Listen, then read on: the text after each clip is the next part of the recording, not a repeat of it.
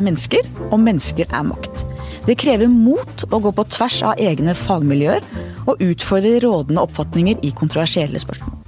Men gjort med kunnskap og klokskap kan det bringe samfunnsdebatten inn på et bedre spor. Det ligger makt i det også. Unni Vika, professor i sosialantropologi, velkommen hit. Tusen takk. Jeg har fulgt deg i mange år, helt siden jeg begynte å jobbe med spørsmål rundt innvandring og integrering.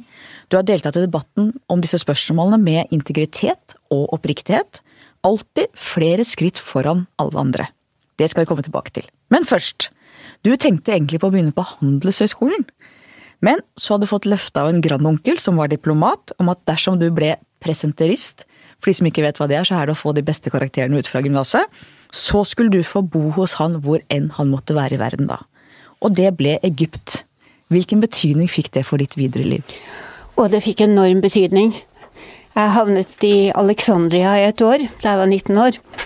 Og det ga meg jo et blikk på Midtøsten, på det å leve helt andre liv under eh, Hva skal vi si På samme, på samme tid i historien, men liv med helt forskjellige perspektiver og verdier. Og, og Alexandria var et veldig kosmopolitisk samfunn den gangen.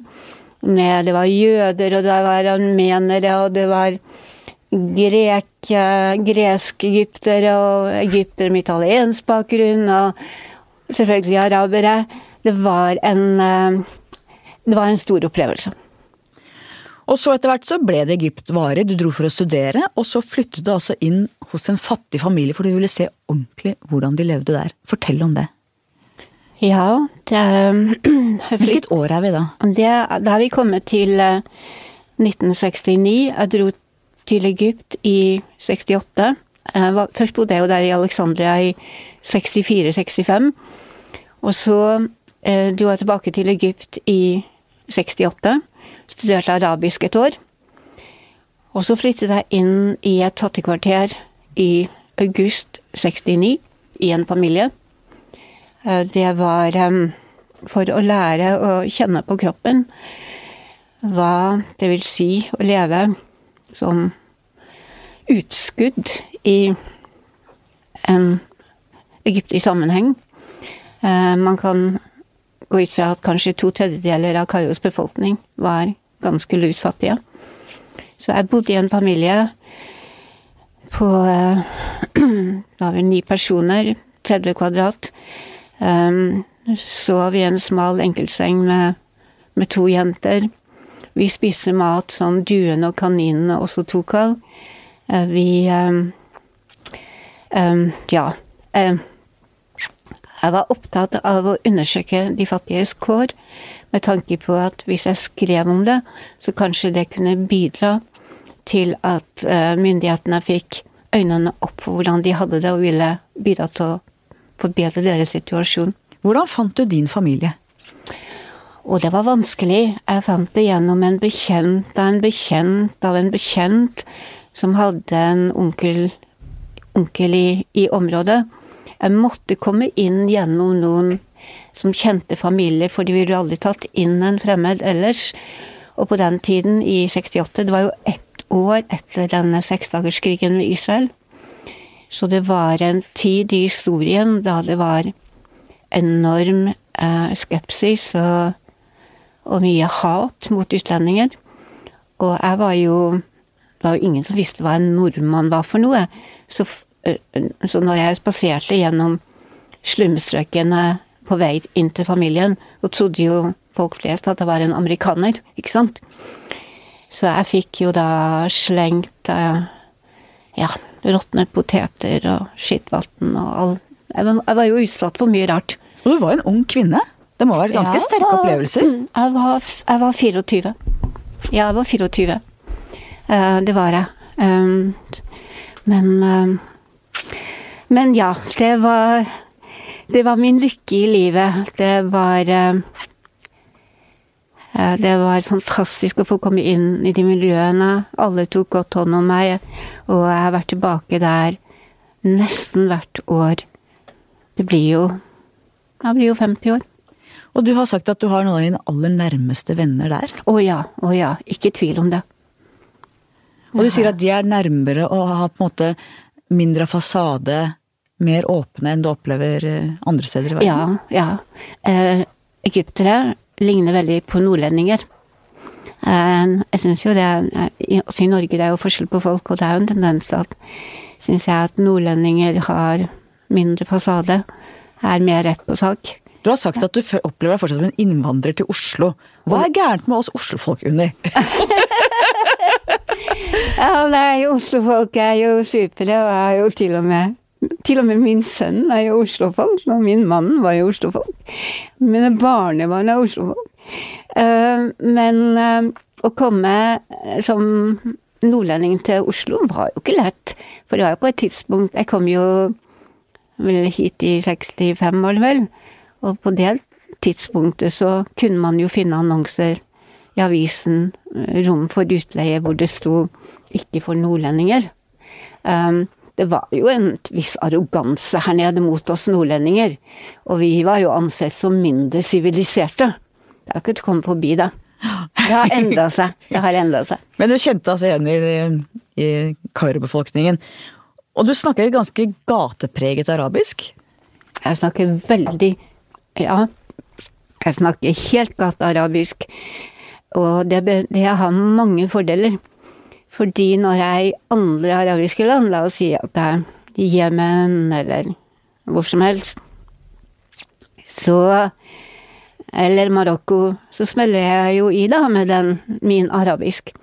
Og den er eh, det, er det er den samme type dialekt som man bruker på såpeoperaer som sender over hele araberverdenen. Så folk blir jo over seg, og så kan de ikke skjønne det at en som ser ut som en utlending, kan snakke den dialekten. Så da har jeg veldig mye moro av å si jo, da jeg Min, uh, min far var egyptisk, og Jeg heter Fatma og sånn, ikke sant? Nei. Men for arabisk er jo Skriftspråket er det samme for alle. Mens de ja. snakker jo veldig forskjellig type arabisk i forskjellige land. Men du har på en måte den arabisken inne som er såpeopera-arabisk? Ja, jeg har, jeg, har inne, jeg, har, jeg har jo inne den egyptiske lavklasse såpeoperaen. Ja, fordi at det var den første arabisken jeg, jeg lærte. Og den jeg har brukt mest. Men jeg har også inne uh, gulfarabisk. Fordi jeg i på midt på 70-tallet gjorde feltarbeid i Oman for en doktorgrad om kvinner i Arabia.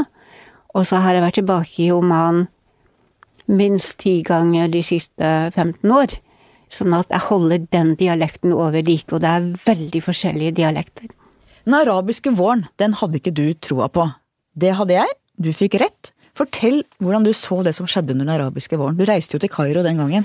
Ja, jeg reiste til Kairo den gangen. Og jeg var inne i eh, fattigkvarterene. Og mm, som sagt, en to tredjedeler av Kairos 22 eh, millioner kan jo regnes som fattige, og jeg går inn i flere strøk.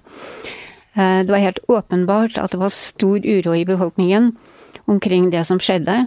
Det var helt åpenbart at de som demonstrerte, i uh, Midani Tahrir. I, uh, det var uh, yngre mennesker.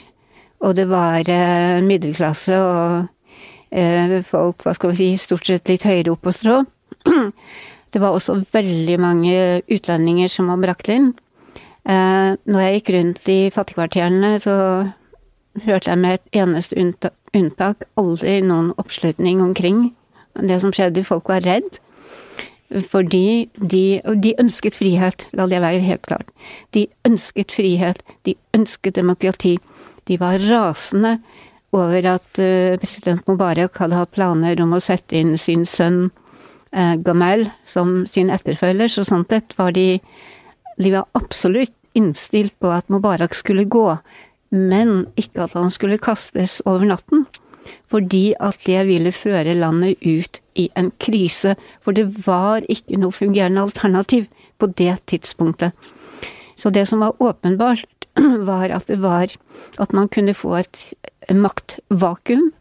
At det ville føre til enorm økonomisk eh, eh nedgang, ustabilitet.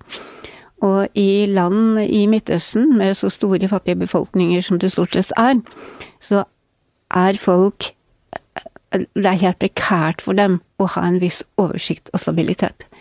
Um, jeg mener, uh, og tror det er belegg for det, at den, den At oppslutningen omkring demonstrasjonene, som sagt, stort sett den kom fra Den kom ikke fra folket. Den var organisert, og det var Og det var andre som var pådriver. Tror du det er mulig å få til demokrati i Egypt og andre land i Midtøsten i den nærmeste fremtid? Jeg tror ikke det er mulig å få til, hva skal vi si, i vår forstand av, av uh, ordet. Jeg tror at um, det er um, Det er Iallfall sånn som situasjonen er i dag, om vi tar Egypt, så vil folk slutte opp om et uh, en sterk leder fordi de er så redd for det at landet skal havne i en situasjon tilsvarende det man f.eks. fikk i Syria eller Libya, slik at det er ikke på dette tidspunkt i historien en, eh, en Så vil det ikke være noen folkebevegelse for demokrati i vår forstand av ordet. Og så må det jo også sies at når folk i Midtøsten ser hva vestlige demokratier gjør, og hva slags ledere vi i Vesten får i demokratiets navn, så blir de jo veldig skeptiske og sier vi har våre former for demokrati. Trump er ikke noen drager i den retningen? Nei. Trump er så absolutt ikke en drager. La oss snakke litt om kultur. Allerede på 1990-tallet snakket du om vår misforståtte respekt for kulturer. Fortell hva du tenkte den gangen. Ja, den gangen det var jo sånn at det var en tendens uh, til at uh, man skulle legge seg flat for kultur. Det var en slags holdning i særlig mye på venstresiden i, i vårt land omkring det at vi måtte respektere kultur, vi måtte respektere religion. Uh, og jeg pleide å si at uh, kultur har ingen krav på respekt i seg selv. Uh, vi bør respektere kultur beroende på hvilke verdier det er kulturen holder opp. det er ekstremt mye ukultur i alle land og vi må være bevisst på hva det er vi vil respektere. Eh, boka di, 'Generous Betrayal', som jeg nå ikke finner, jeg har en hjemme med massevis av notater, jeg blir lei meg for det, for den handler annet om kultur og rasisme.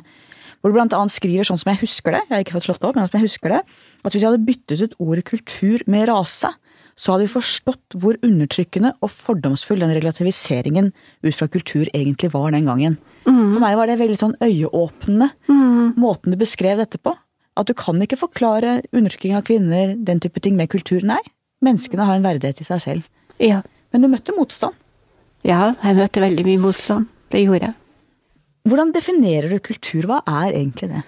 Nei, hva er det? Det er Kultur er et begrep som har, bare i mitt fag, omkring 100 forskjellige definisjoner. Det er ikke noe enkel definisjon på det, men det vi kan si er at er Kultur er summen av de verdier og erfaringer som man finner i en befolkning, og så kan man jo si hvor er hvor er grensene for befolkningen? Det er jo ikke slik at verden er delt opp i separate kulturer, fordi folk kan ha like verdier på tvers av kulturer, ikke sant? Og også innenfor et land som Norge, så eksisterer det jo mange forskjellige kulturer. Vi var inne på Nord-Norge versus Oslo, ja, eksempel. Ja, ja, ja. Og du har unge, og du har gamle, og du har uh, arbeidsgrupper, og du har uh, Men det viktige, syns jeg, med kultur er at man tar et aktivt standpunkt til hva er det vi vil respektere. Uh, og hvor fasttømret er en kultur? Hvor, hvor sementert og det er i endring. Kultur er i endring. Kultur er i endring hele tiden. Uh, noe av det merker vi, og andre ting merker vi ikke. Tenk på sosiale medier nå, hva de gjør med kultur. Men ta, hvis jeg tar Gulfen, den arabiske Gulfen, hvor i 1970 så var ingen kvinner i, i, jobb utenfor hjemmet. I dag er de overalt. Uh, i Oman nede i Gulfen så var det på 70-tallet, det var ikke en folkeskole engang for jenter. I dag er 60% av studentene på universitetet jenter. Det er enorme endringer. Uh, og det er det jo også i norsk samfunn. Man kan jo bli helt fælen. Ja, for hvordan ser nordmenn ut fra et sosialantropologisk perspektiv? Åh, oh, det var et vanskelig spørsmål. For det første så ser nordmenn kjempeforskjellige ut. Altså, vi er jo så forskjellige fordi vi er jo så Vi er så flerkulturelle. Og dessuten er det jo så forskjeller på regioner i landet. Jeg syns hver gang jeg drar nordover, og i dette året har jeg vært nordpå mm, kanskje 20 ganger, hver gang jeg lander på Evenes, så føler jeg at jeg kommer til en annen verden. Folk er forskjellige. Uh, og det er, eh, det er, måter å være på, det er, uh, det er hvordan man forholder seg til medmennesker. Det kan være forhold til naturen, det er Ja, det går på mye. Du har tidligere snakket om nordmenns forhold til fritid, til ferie, ja, forhold til andre landskulturer. Ja, det er jo veldig spesielt forhold til fritid, dette med at man skal på hytta, og man skal ut i naturen istedenfor å, å eh, prioritere å være sammen med familien i by, eksempel. Ja, nordmenn har et veldig spesielt forhold til natur. Og du har snakket også om vårt forhold til penger, til materielle goder. Ja, eh, der syns jeg det er skremmende. Utviklingen syns jeg er fullstendig skremmende. Eh, den eh, hvor materialistisk eh, vi er blitt på få tiår. Økonomi i et videre perspektiv. Tittelen på denne boken jeg refererte til, Generous Betrayal, Det sjenerøse svik, som handlet om innvandringsbefolkningen i Norge. Hva mente du med den tittelen? Jeg mente med det at vi var i ferd med å svike innvandrere ved ikke å ta dem på alvor. At vi, um, vi At staten brukte det jeg kalte velferdskolonialisering som den lettvinte løsningen på å integrere innvandrere, istedenfor det å prøve å innlemme dem aktivt i samfunnet. Det var, det var en slags holdning som gikk ut på det at vi skal være snille og gode mot innvandrere, eh, og tolerante og respektere dem. Og så vil de gå seg til, og i mellomtiden så gir vi sosialhjelp og velferdsytelser. Jeg syns det var en nedlatende holdning. Å respektere mennesker handler faktisk om å stille krav. Det handler om å ta dem på alvor. Det handler om å gi dem muligheter. Uh, det handler om en, en helt annerledes aktiv holdning Uh, som selvfølgelig er vanskeligere for samfunnet. For for samfunnet er det enklest å betale penger og få dem uh, Ja, og inkorporere dem på den måten. Så det var det jeg mente med det store sviket, at vi falt innvandrere i ryggen. Vi gjorde dem til klienter? Vi gjorde dem til klienter, absolutt. Det var en klientifisering.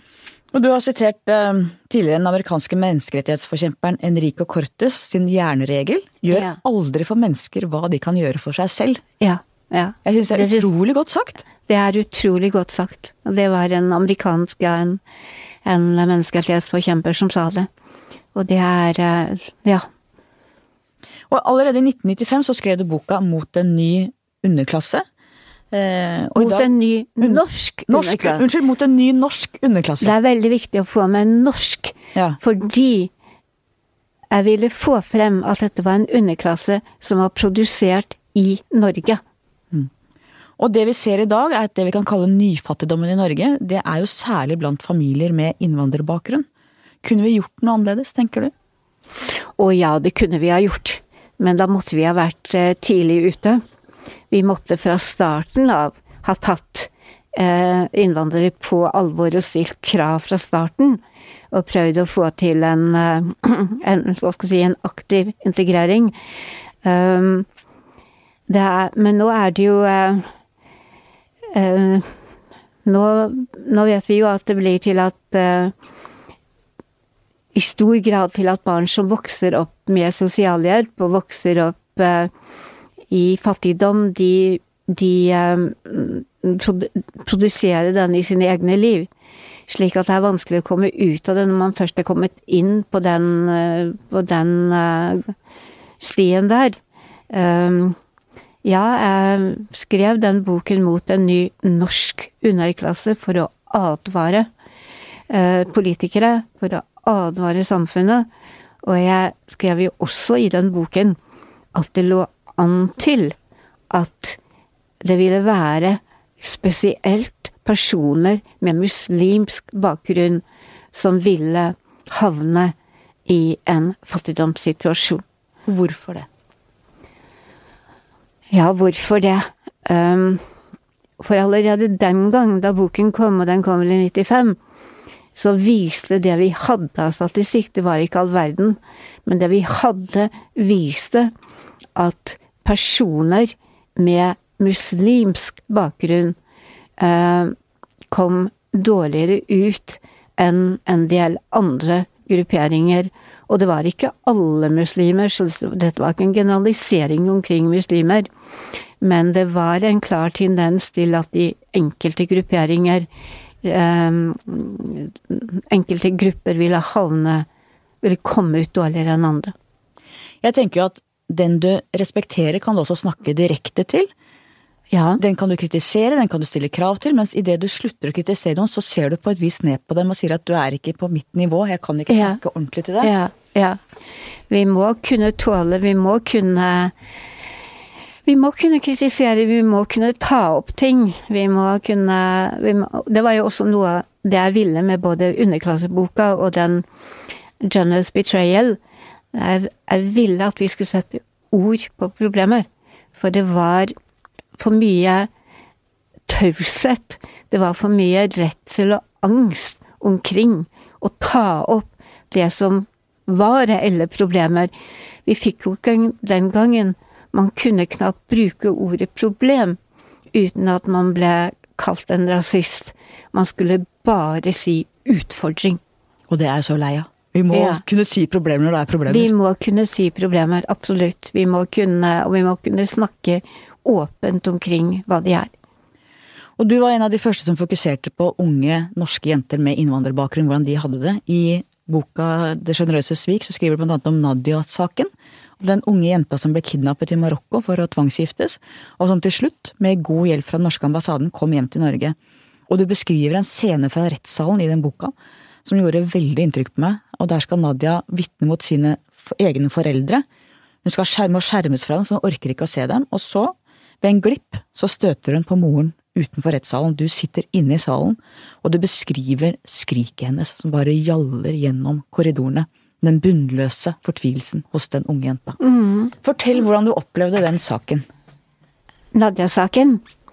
Um, jo, det var en veldig sterk sak. Hun var jo um, tatt til Marokko eh, for å, som hun selv sa, giftes bort der. Og så prøvde hun å rømme og fikk hjelp av ambassaden. og, og eh, foreldrene ble da stevnet for retten. Jeg ble jo kalt inn som sakkyndig av eh, foreldrenes forsvarer. Og jeg husker at jeg sa til uh, lady Ulf Stigenes, som var forsvarer, jeg kan ikke skjønne hva du skal med meg i, i retten, uh, fordi at jeg har jo skrevet i VG om saken og på en måte vært på Nadias parti, ment at hun gjorde det riktige. Men når man er i retten som sakkyndig, så er man der som en nøytral person. Man skal prøve å bidra til å oppklare saken for retten. Så jeg skjønte jo etter hvert at det også hjalp um, en forståelse av saken at jeg kunne uh, gjøre forklare i foreldrenes posisjon. Um, det var en fryktelig sak.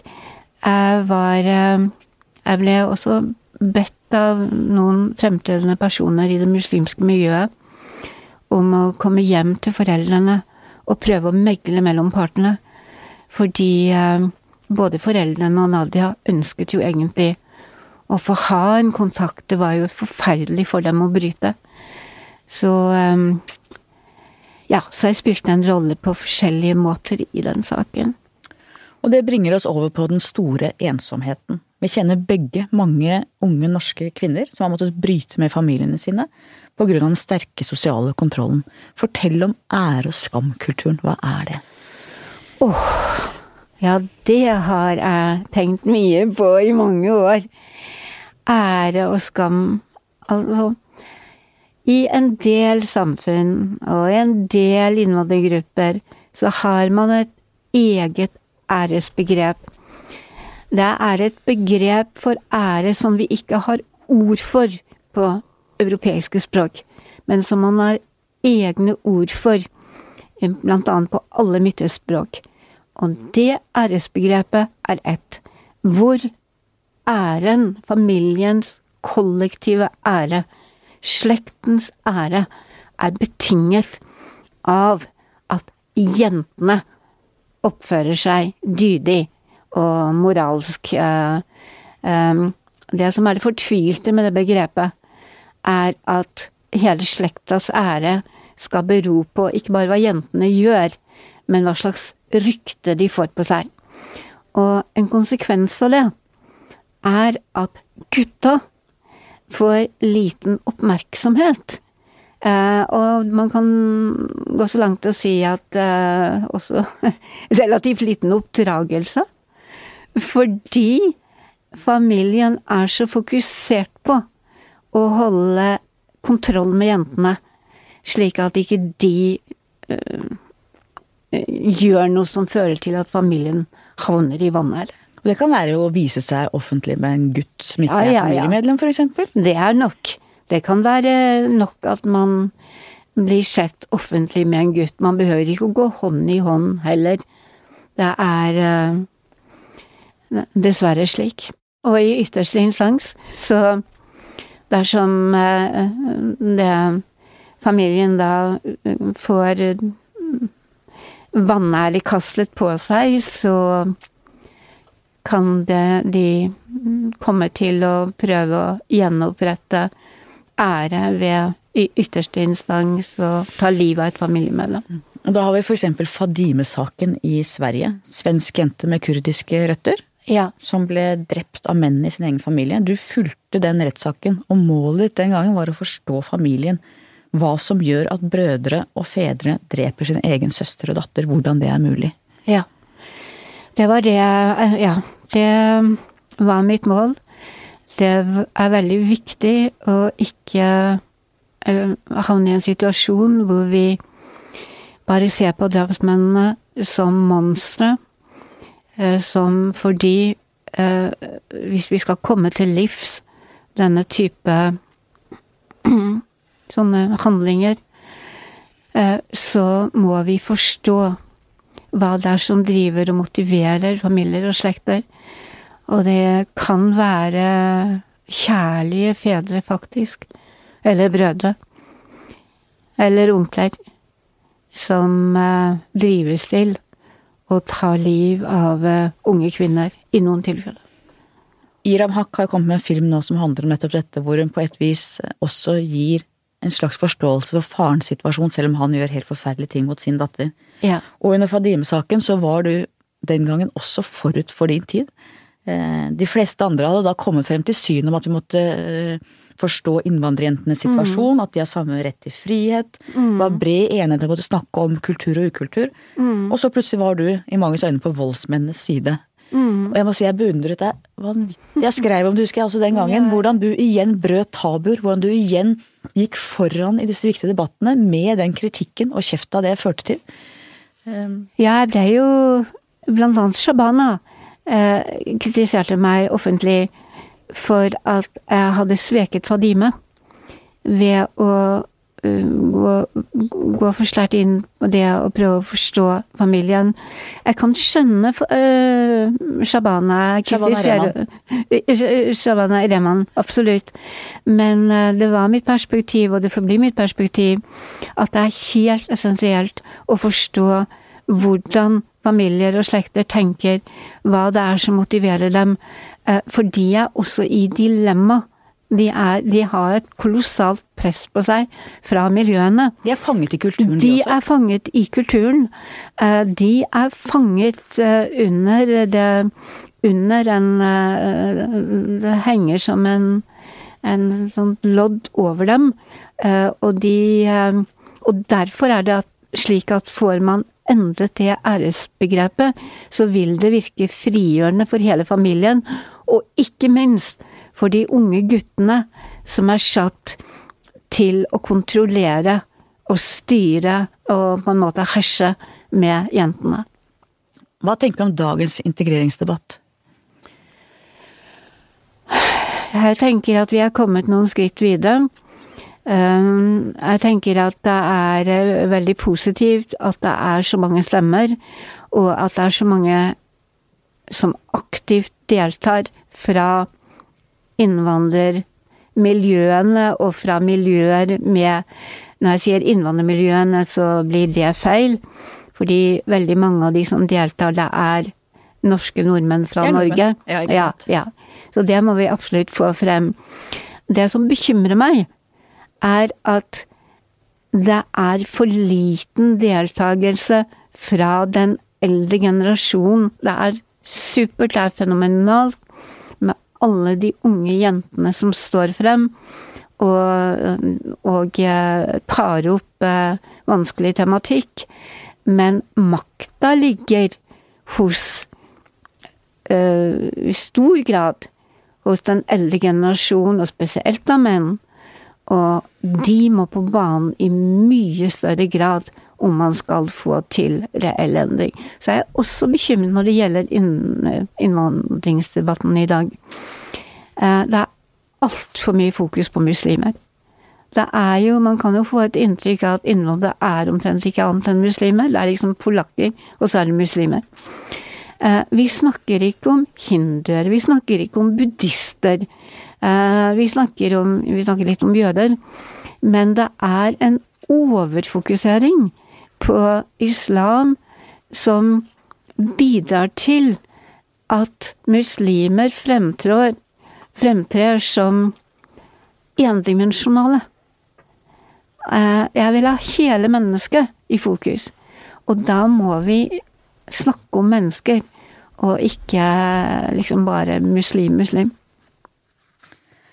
Du ble tidlig omfavnet av Carl I. Hagen og Frp. Eh, det lot du deg ikke affisere av. Eh, er det i dag slik at for mange er opptatt av hvem som sier hva, istedenfor å være opptatt av sakenes kjerne? Å, absolutt. Og sånn har det vært. Og det er helt fortvilt. Ja, og sant? Er, altså, sånn har det vært fra starten. Jeg ble jo hengt ut på førstesiden i Dagbladet som premissleverandør for Carl I. Hagen. Det var Nå skal Hagen ha, syns jeg, han skal ha honnør for at han var tidlig ute med å ta opp ting. Det er jeg helt enig Ja, det, og den honnøren bør han få. Det er altfor mye av det i norsk samfunn at man, eh, man skal posisjonere hverandre. Er du uh, på linje med det partiet eller det partiet? Kan vi ikke frigjøre oss fra det, og heller ta debatten omkring problemene? Dette er jeg så enig jeg er opptatt av hele tiden. Vi skal ikke være opptatt av hvem som sier noe, men hva de sier. Absolutt hva de sier, likegyldig hvem som sier det.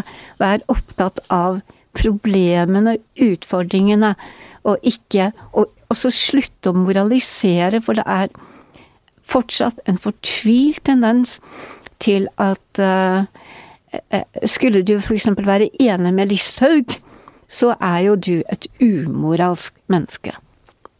Sånn har det vært fra i 20 år. Sånn er det i dag at det er en tendens til stempling av personer for hva de måtte mene.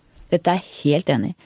Eh, og policyen som jeg kjører i VG på lederplass, er at hvis Sylvi Listhaug sier noe fornuftig, skal hun ha kudos og ros for det. Sier hun noe kritikkverdig, så skal vi ta henne. Absolutt. Men ja. det må være innholdet i politikken og innholdet i uttalelsene, ikke hvem som sier det. Nei. Jeg er helt enig. Det er flott at du skriver det. Men motet ditt, da. Vi må snakke om det. Hvor kommer det fra? Du kommer fra Harstad. Omtaler ofte deg selv som en enkel, fordringsløs fiskejente fra nord. fortell, om opp, fortell om oppveksten din. Oppveksten min? Ja, oppveksten min, ja, den var jo i Harstad.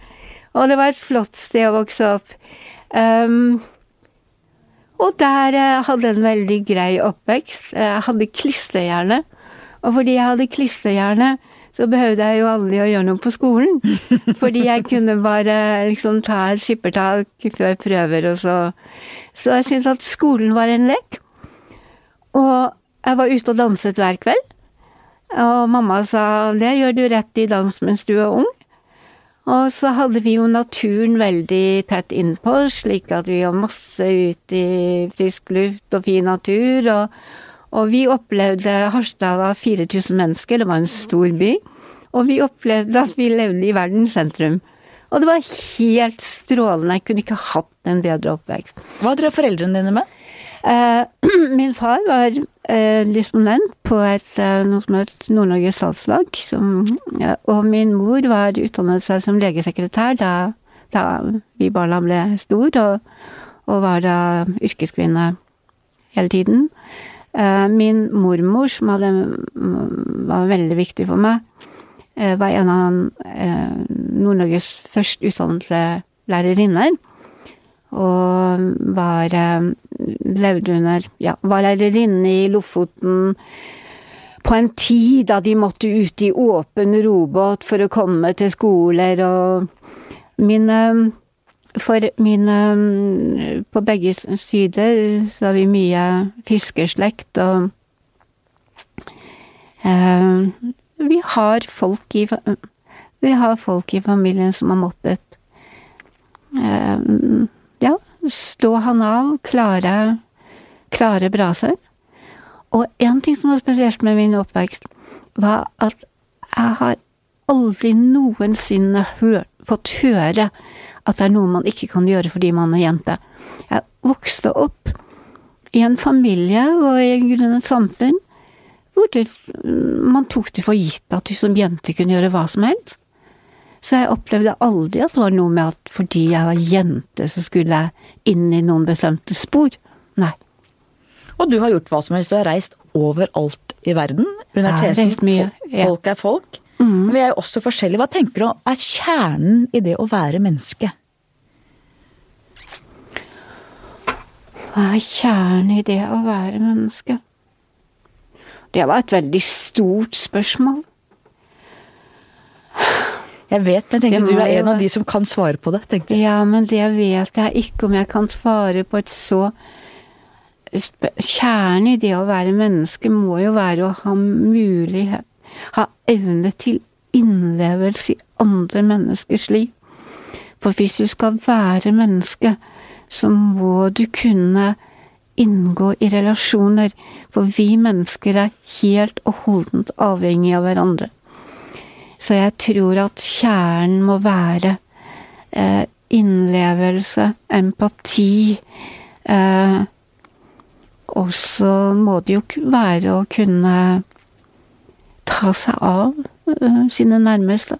For vi er avhengig av hverandre. Det er helt sant. Du og mannen din, Fredrik Barth, også sosialantropolog, har vært blant de første inn i lukkede land som Oman og Bhutan. Fortell om det. Da vi kom til Oman i 74, så var Oman som et Midtøstens Tibet. Det hadde vært helt lukket inntil 1970. Det var Selv da vi kom der, så var det bare tre-fire folkeskoler i hele landet.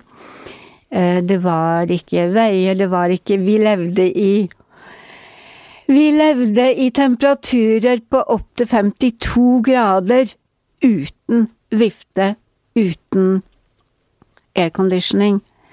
Det var um, nesten ufattelig å tenke på at mennesker nede i Gulfen, hvilke forhold de har levd under rent klimatisk. Eh, så Oman var et land også hvor det var Kvinner gikk ikke på markedet. Kvinner brukte ikke hovedveier, kvinner eh, levde i hjemmene. Det var fullstendig sånn sosial segregasjon. Eh, og eh, det var som å bli satt tilbake flere hundre år i tiden. Men eh, vi kunne møte hverandre. Vi kunne Det var ikke Selv om det er det ytre at vi levde så forskjellige liv, så kunne vi møte hverandre menneske til menneske.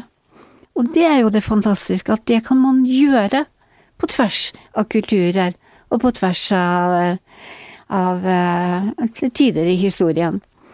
Så det var, uh, det var en åpenbaring å komme til Oman, og det har vært en fantastisk å følge landet i disse 40 årene, hvor landet har eh, hatt større fremskritt utviklingsmessig enn noe annet land, ifølge FN. Så var vi jo i Bhutan, da. Og det var jo et annet eventyr. Jeg tror Bhutan er verdens vakreste land. Jeg tror ikke det finnes et land i verden som naturmessig er vakrere. Og befolkningen består av stort sett buddhister. Eh, Eh, det er lamaer og munker og fantastiske klostre, og det er og det er, ja, det er multikulturelt. Det er mange forskjellige befolkninger, og det er eh, De lever da etter en filosofi, en religion, som også innebærer troen på gjenfødelse, reinkarnasjon. Det er ikke en tro, det er en overbevisning, en kunnskap de har. Så alle du møter, har vært eh, er reinkarnert, og regner med at de skal bli reinkarnert. Du møtte en dame der som mente at du var hennes gjenfødte datter? Ja, hun er sikker på det. Ja, hun er det. Det var en gammel dame.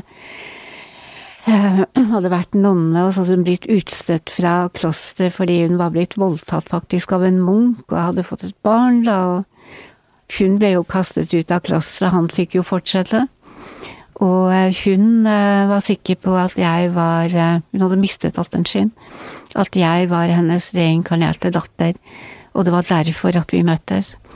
Og vi hadde en helt unik relasjon i ja, over en tiårsperiode da hun døde. Hun var godt over 90 da hun døde.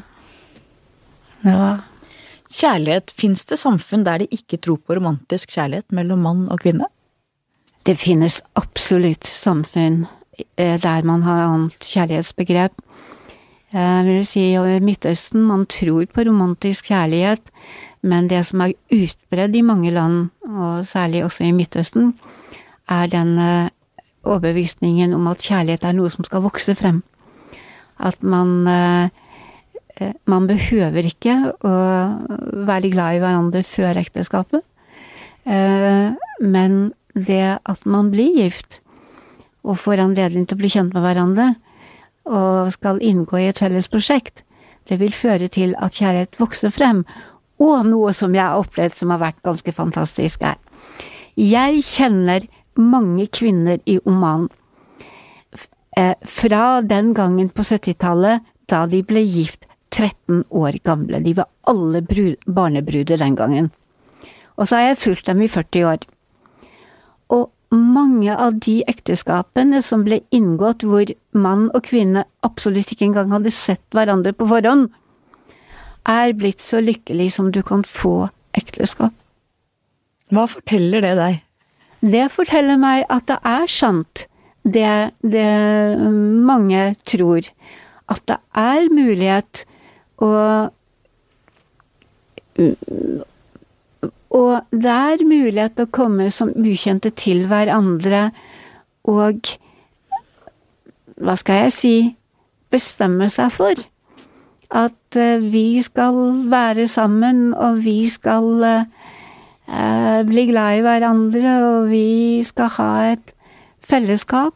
Og da kan kjærlighet vokse frem virkelig Helt genuint. Jeg har sett det. Og sorg. Bali, der muntrer de opp folk når de er i sorg, skal få dem til å le. Midtøsten, der skriker man ut sorgen. Og her, du har ganske nylig vært gjennom en stor sorg. Mistet moren din og mistet mannen din. Hva tenker du om vår måte å sørge på, og vår måte å møte andre menneskers sorg på? Det er Du stiller meg som så vanskelige spørsmål. Det er jo et viktig spørsmål. Um, det er det, det, at jeg så nylig har hatt uh, mye sorg i mitt liv, uh, gjør det jo ikke uh, så lett å snakke om. Det er mye fint med hvordan man møter mennesker i sorg i Norge, og mange har stor omsorg. Det er også mange som trekker seg unna. Jeg tror man er at, at det er Vi har en sånn veldig fokus på ungdom og lykke i vårt land. At når man møter noen som er i sorg, har mistet noen, så er det som man blir minnet om livets sårbarhet og hvor skjørt det er. Og det kan nok føre, føre til at også mange trekker seg fra deg. Du blir en påminnelse om noe man ikke ønsker å bli påminnet om. Og det, det har jeg opplevd. Og det det syns jeg er vanskelig med Norge. Jeg syns at det er Det er mye mer Hvordan skal jeg si det? Det er en uh, mye større forståelse, f.eks. For i, i Midtøsten, av at død og sorg er en del av livet. Vi har en avstand til døden her hjemme. Absolutt. Vi har absolutt en avstand uh, til døden. Og jeg har tenkt litt på det. Jeg er jo selv Jeg opplever jo fremdeles at jeg er gift med min mann. Han er et annet sted, og jeg vet at han er død. Men jeg opplever meg jo fremdeles som gift. Uh, men min status er jo egentlig jeg er jo enke. Og det tror jeg òg Jeg tror at det er I Norge så tror jeg også at det er en kategoriperson som eh, mange syns det er vanskelig å forholde seg til. Jeg vet ikke hvorfor. Jeg har lurt på det. Og jeg har tenkt på om jeg skal prøve å skrive om det. Det syns jeg du skal. Og få skapt en debatt omkring det. For det er noe som er følt på veldig på kropp og sinn, og hvor jeg ikke helt forstår hvorfor det er sånn. Jeg tror det er noe det du sier med at man blir minnet om sin egen dødelighet. Ja, jeg tror det er det. At uh, vi som er enker, vi blir gående rundt som påminnelser til andre om, uh, om at livet er så skjørt. Og det, det er ikke så greit å bli minnet om. Min mor døde faktisk hjemme i huset vårt. Eh, og jeg tenker det å følge noen den siste veien sånn, og jeg tror det har gitt meg et mye mer naturlig forhold til døden, faktisk. Mm. Mm. Eh, og det skjer jo veldig sjelden i Norge. Ja, det skjer i, i Midtøsten så skjer mm, i alles, alle dødsfall jeg vet om, og det er veldig, veldig mange, så, de, så dør de alltid hjemme. Ja. De, de, gjør det selvfølgelig ikke alltid, men uh, veldig ofte så dør de hjemme. Sosialantropologen, du har jo kikket inn i mange kulturer, mange steder. Eh, du skrev det store verket om Bali, som skapte et helt annet bilde av menneskene der enn det som var vanlig oppfatning blant sosialantropologer, for du beskrev mennesker som hadde følelser, var av kjøtt og blod. Hva tenker du om sosialantropologien som fag? Det er jo ganske mye rart der? Og det er veldig mye rart. Det er, ja, det er jo Det som er vårt fag, er jo å, å oppdage det rare. Nei, vi skal eh, handler jo om å forstå både hva som er fellesmenneskelig, og hva som er forskjellig. Eh, og det er, eh, og det er mye av begge deler. Det er et fantastisk fag, og det er viktig å kunne se i øynene at det er reelle forskjeller. Eh, det er for øvrig noe jeg har savnet litt i norsk debatt om innvandring. Jeg syns det er en tendens der nå til at man skal prøve å få det til at vi er jo alle egentlig så like. Jeg tror det er mye større verdi forskjeller i verdier enn man enn mange ønsker å se i øynene. Men Igjen noe vi må snakke om sånn som det er. Det er noe vi må snakke om. Det er noe vi må tørre å snakke om. Det er ikke galt at vi har ulike verdier. Eh, man kan utmerket leve sammen og respektere hverandres verdier, men det er viktig å se i øynene at det er er uh, ulike verdier. Og vi må snakke om det også for å kunne si hva som er akseptabelt og ikke er akseptabelt. Det er f.eks. ikke en akseptabel verdi å si at kvinner er mindre verdt enn menn. Det er ikke Det er absolutt ikke akseptabelt. Og kvinnesyn i en del, ja en, Vi har jo problematisk kvinnesyn her hos oss også. Eh, Metoo er jo et, eh, et uh, uttrykk for det. Men det er, er jo også enkelte samfunn hvor man har et høyst problematisk kvinnesyn. Du er en av de mest anerkjente sosialantropologene vi har internasjonalt. Du har undervist på de, yngste, på de tyngste både amerikanske og britiske universiteter, Harvard, London School of Economics. Du har fått utgitt mange bøker på forlaget til eh, University of Chicago. Eh, hvilke forskjeller ser du på norske og amerikanske universiteter, på kunnskapsnivå og på innsatsen fra studentene? Det er stor forskjell. Eh, det er eh, eh, Vi Ja, for eksempel her i Norge så har vi veldig vi strenge regler om hvor mye pensum du får lov å gi studentene til å lese. Og det ligger på et bitte lite minimum av det man vanligvis gir studentene på, på gode amerikanske universiteter. Slik at innsatsen som kreves og forventes fra studentenes side, er en helt annen enn det det er eh, i Norge. Og der syns jeg at vi bør skjerpe oss. Jeg syns at vi undervurderer studentenes eh, evne og vilje til å lære. Eh, og da skal vi ikke skylde på studentene, kan vi skylde på oss selv. Apropos å stille krav og ha respekt. Apropos å stille krav. Det har vært fabelaktig å få være å undervise på noen av de gode universitetene du nevner.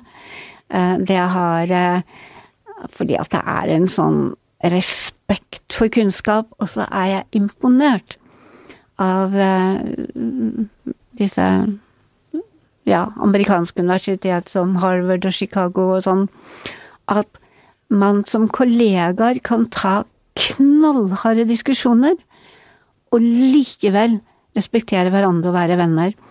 Der er min opplevelse fra Norge at det er eh, at vi kommer mye dårligere ut. Det er mye større tendens i Norge, i min erfaring, til at eh, man eh, er redd for å ta tunge faglige diskusjoner fordi det går på person. Det er mye mindre det er mindre toler... Er, hvordan skal jeg si det? Det er mindre toleranse her for eh, å kunne være faglig uenig og likevel eh, personlige venner. Ja, for På tross av all den internasjonale anerkjennelsen du har fått, så har du i perioder møtt mye motstand i ditt eget fagmiljø. Hvordan har du opplevd det? Jeg har opplevd det som veldig tungt. Jeg har nylig, for første gang i mitt liv, skrevet om det Eh, en artikkel i en amerikansk bok som er kommet ut i USA. Og jeg er også blitt bedt om å skrive fra, for noe som heter Chronicle of Higher Education Review, på basis av det som allerede har skrevet. Jeg tror det er viktig at noen av oss som har vært igjennom den type stempling på Eh, i fagmiljøet på universitetet som jeg ble, at vi tar bladet fra munnen og snakker om det.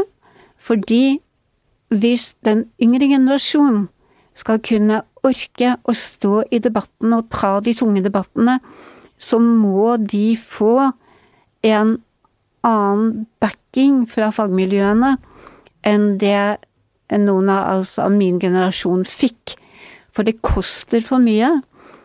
Når jeg ser tilbake på mitt liv, eh, så må jeg med hånden på hjertet si at jo, jeg hadde vel antakelig gjort det om igjen, om jeg skulle leve livet om igjen, men jeg er ikke sikker på at det var verdt det. Du er ikke det? Nei, jeg er faktisk ikke sikker på at det var verdt det. Jeg er eh, Det har så store omkostninger, eh, også helsemessig. Eh, hvis man blir konstant Hvis man blir så mye hetset av, i nære miljøer, og man blir Man blir jo Jeg ble jo stemplet som et moralsk laverestående vesen. Jeg husker det. Jeg husker det ja, veldig godt. Ja. Og det gikk jo så langt at jeg ble jo lignet med nazist. Um, så den type moralsk degradering er så uh, Det er tungt. Og når man får såpass lite støtte fra ens egen uh, fagmiljø som jeg fikk på Blindern, så du kan si jeg, jeg kunne stå i det. Og jeg kunne blant annet klare å stå i det fordi jeg hadde, jeg hadde gode venner, hadde mye støtte i uh, andre steder, og jeg hadde på hjemmebane en familie som støttet meg helt og holdent. Men eh, jeg tror nok ikke jeg ville anbefalt andre å gå den veien jeg gikk. Jeg husker Det som gjorde spesielt inntrykk på meg i disse årene, var jo da du da det ble skrevet i et fagtidsskrift at du, jeg husker ikke ordene de brukte, men la grunnlag for det som hadde gitt Hitler mulighet til jødeutryddelsen.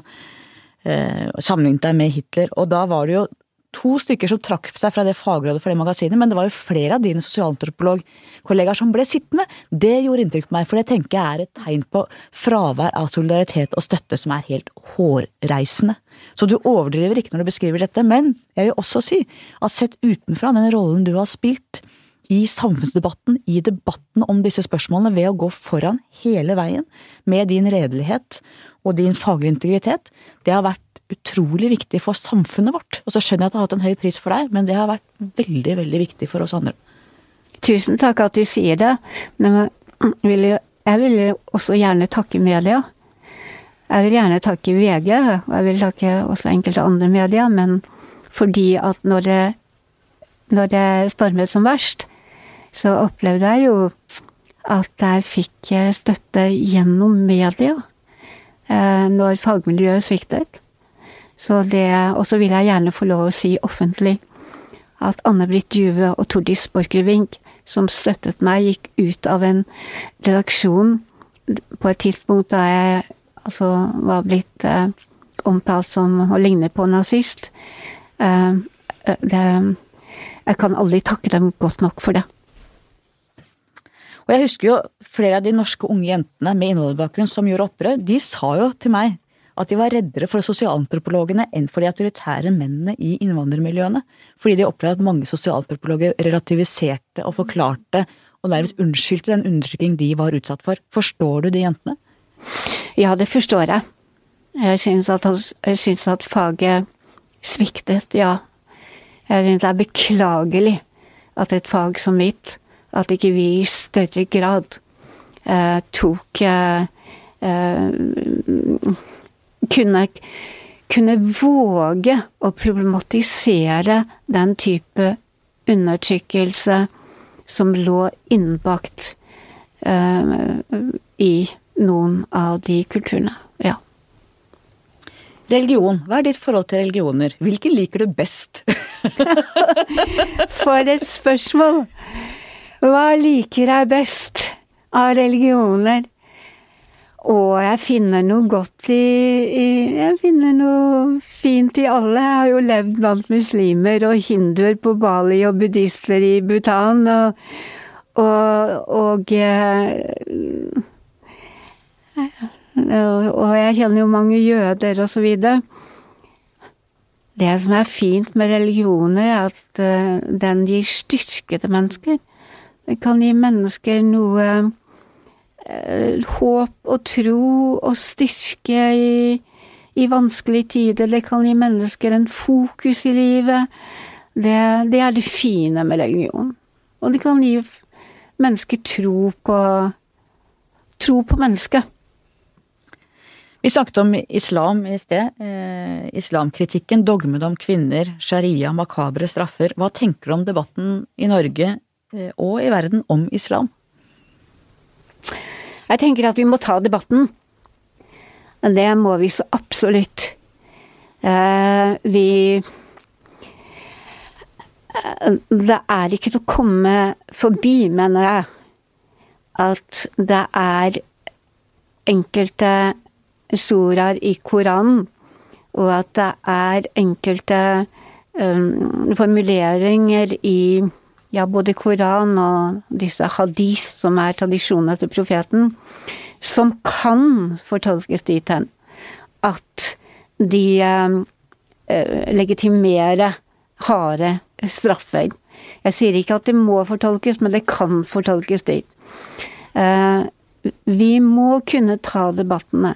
Vi må kunne ta debattene om flerkoneriet i islam, eksempel.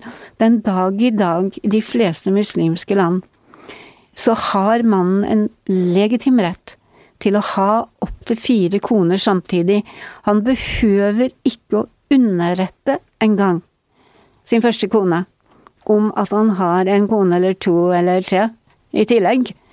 Eh, han behøver ikke å underrette før han eventuelt får barn med de andre. Det er en, eh, en rett som er så Som kvinner opplever som så degraderende uh, i de samfunn hvor jeg har, ser at den praktiseres. Vi må kunne ta debatten om at i en del muslim, muslimske land så teller en kvinnes vitnesbyrd i retten halvparten av en manns. Hva sier det om synet på kjønnene? Det er flere problematiske sider ved eh, sharia slik den praktiseres i mange deler av verden, som er så undertrykkende for kvinner, gir menn slike privilegier. Eh, debattene må vi ta. Men tror du det kommer en reformasjon? Man kan jo eh, se for seg Altså Den gangen disse budene ble gitt på Muhammeds tid, så var jo f.eks. Ja. det å gi kvinner halv, halv arverett var jo et veldig fremskritt. For det betyr ja. at kvinner hadde jo ikke hatt arverett før. Riktig. Og en rekke av disse dogmene som i dag fremstår ja. helt gammeldagse, utdaterte, kvinneundertrykkende, var den gangen fremskritt. Absolutt. Og det fins jo muslimske lærere som sier du må tolke Koranen, de må tolke haditene i tråd med vår tid og se på intensjonene bak. Absolutt. Kommer det, Unni? Ja, det, kom, ja, det kommer. Det kommer litt sakte. Det kommer så sakte. Men det kommer. Og det er Ja, det er Og i Norge, for eksempel, du har Lena Larsen, for å nevne én. Eh, som er eh, veldig opptatt med det at vi må få til en tolkning av tekstene i Koranen og andre tekster som fremmer likestilling for kvinner. Eh, så det kommer, det er sterke bevegelser på gang. Eh, det er jo dessverre så synd at det går så sakte. Eh, min gamle professor avdød nå fra Johns Hopkins, Fouad Ajami. Han var shia fra Libanon. Og han beskrev den islam han kjente fra gammelt av, han sa en gang at dersom en kvinne var gravid når mannen kom hjem etter å ha vært ett år borte, ja, så var alle enige om at et svangerskap tar gjerne et år. Ja. Eh, han beskrev tidligere tiders islam slik han kjente det som pragmatisk og raus, mens dagens islam mange steder er blitt noe helt annet. Er dette et bilde du kjenner deg igjen i? Ja, det er eh, Jeg kjenner igjen en veldig toleranse og raushet blant muslimer, helt spesielt fra Oman. Ja, For der skrev du bok om veldig mye rart som skjedde bak ja, fasaden? Ja, med ja. aksept? Ja, med aksept. Den rådende holdningen i Oman fra 70-tallet, da jeg først kom dit, og frem til i dag, er at du skal kreve eh, Det du skal kreve, skal du kreve av deg selv, ikke av andre. At det ligger respekt i å respektere andre.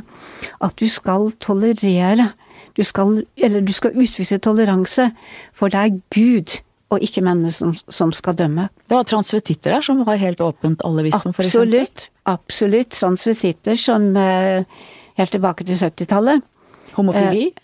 Ja, ja, ja. Absolutt.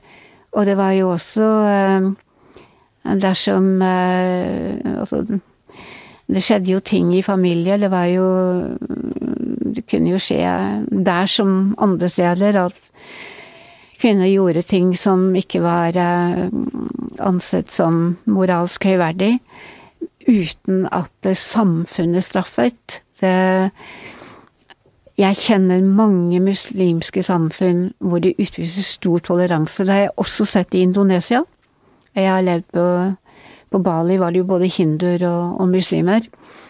Uh, så uh, det er jo den, den, det som har skjedd i i vår, uh, i vår nære fortid, og det som skjer nå til dags med islams ekstremisme, er jo Det er jo en forferdelig utvikling, og det er jo relativt nytt. Hva med deg selv, tror du at det fins en gud? Nei eh, Jeg tror nok ikke det. Eh, men hvis du spør meg om tror at det fins gjenfødelse, så, så lurer jeg. Eh, for jeg tror ikke jeg tror på det. Men det er jo så mange mennesker i verden som ikke bare tror det, men mener at de vet det. Og jeg har truffet i Bhutan flere personer som overbevisende syns å kunne gjøre rede for tidligere liv. Så der stiller jeg meg åpent.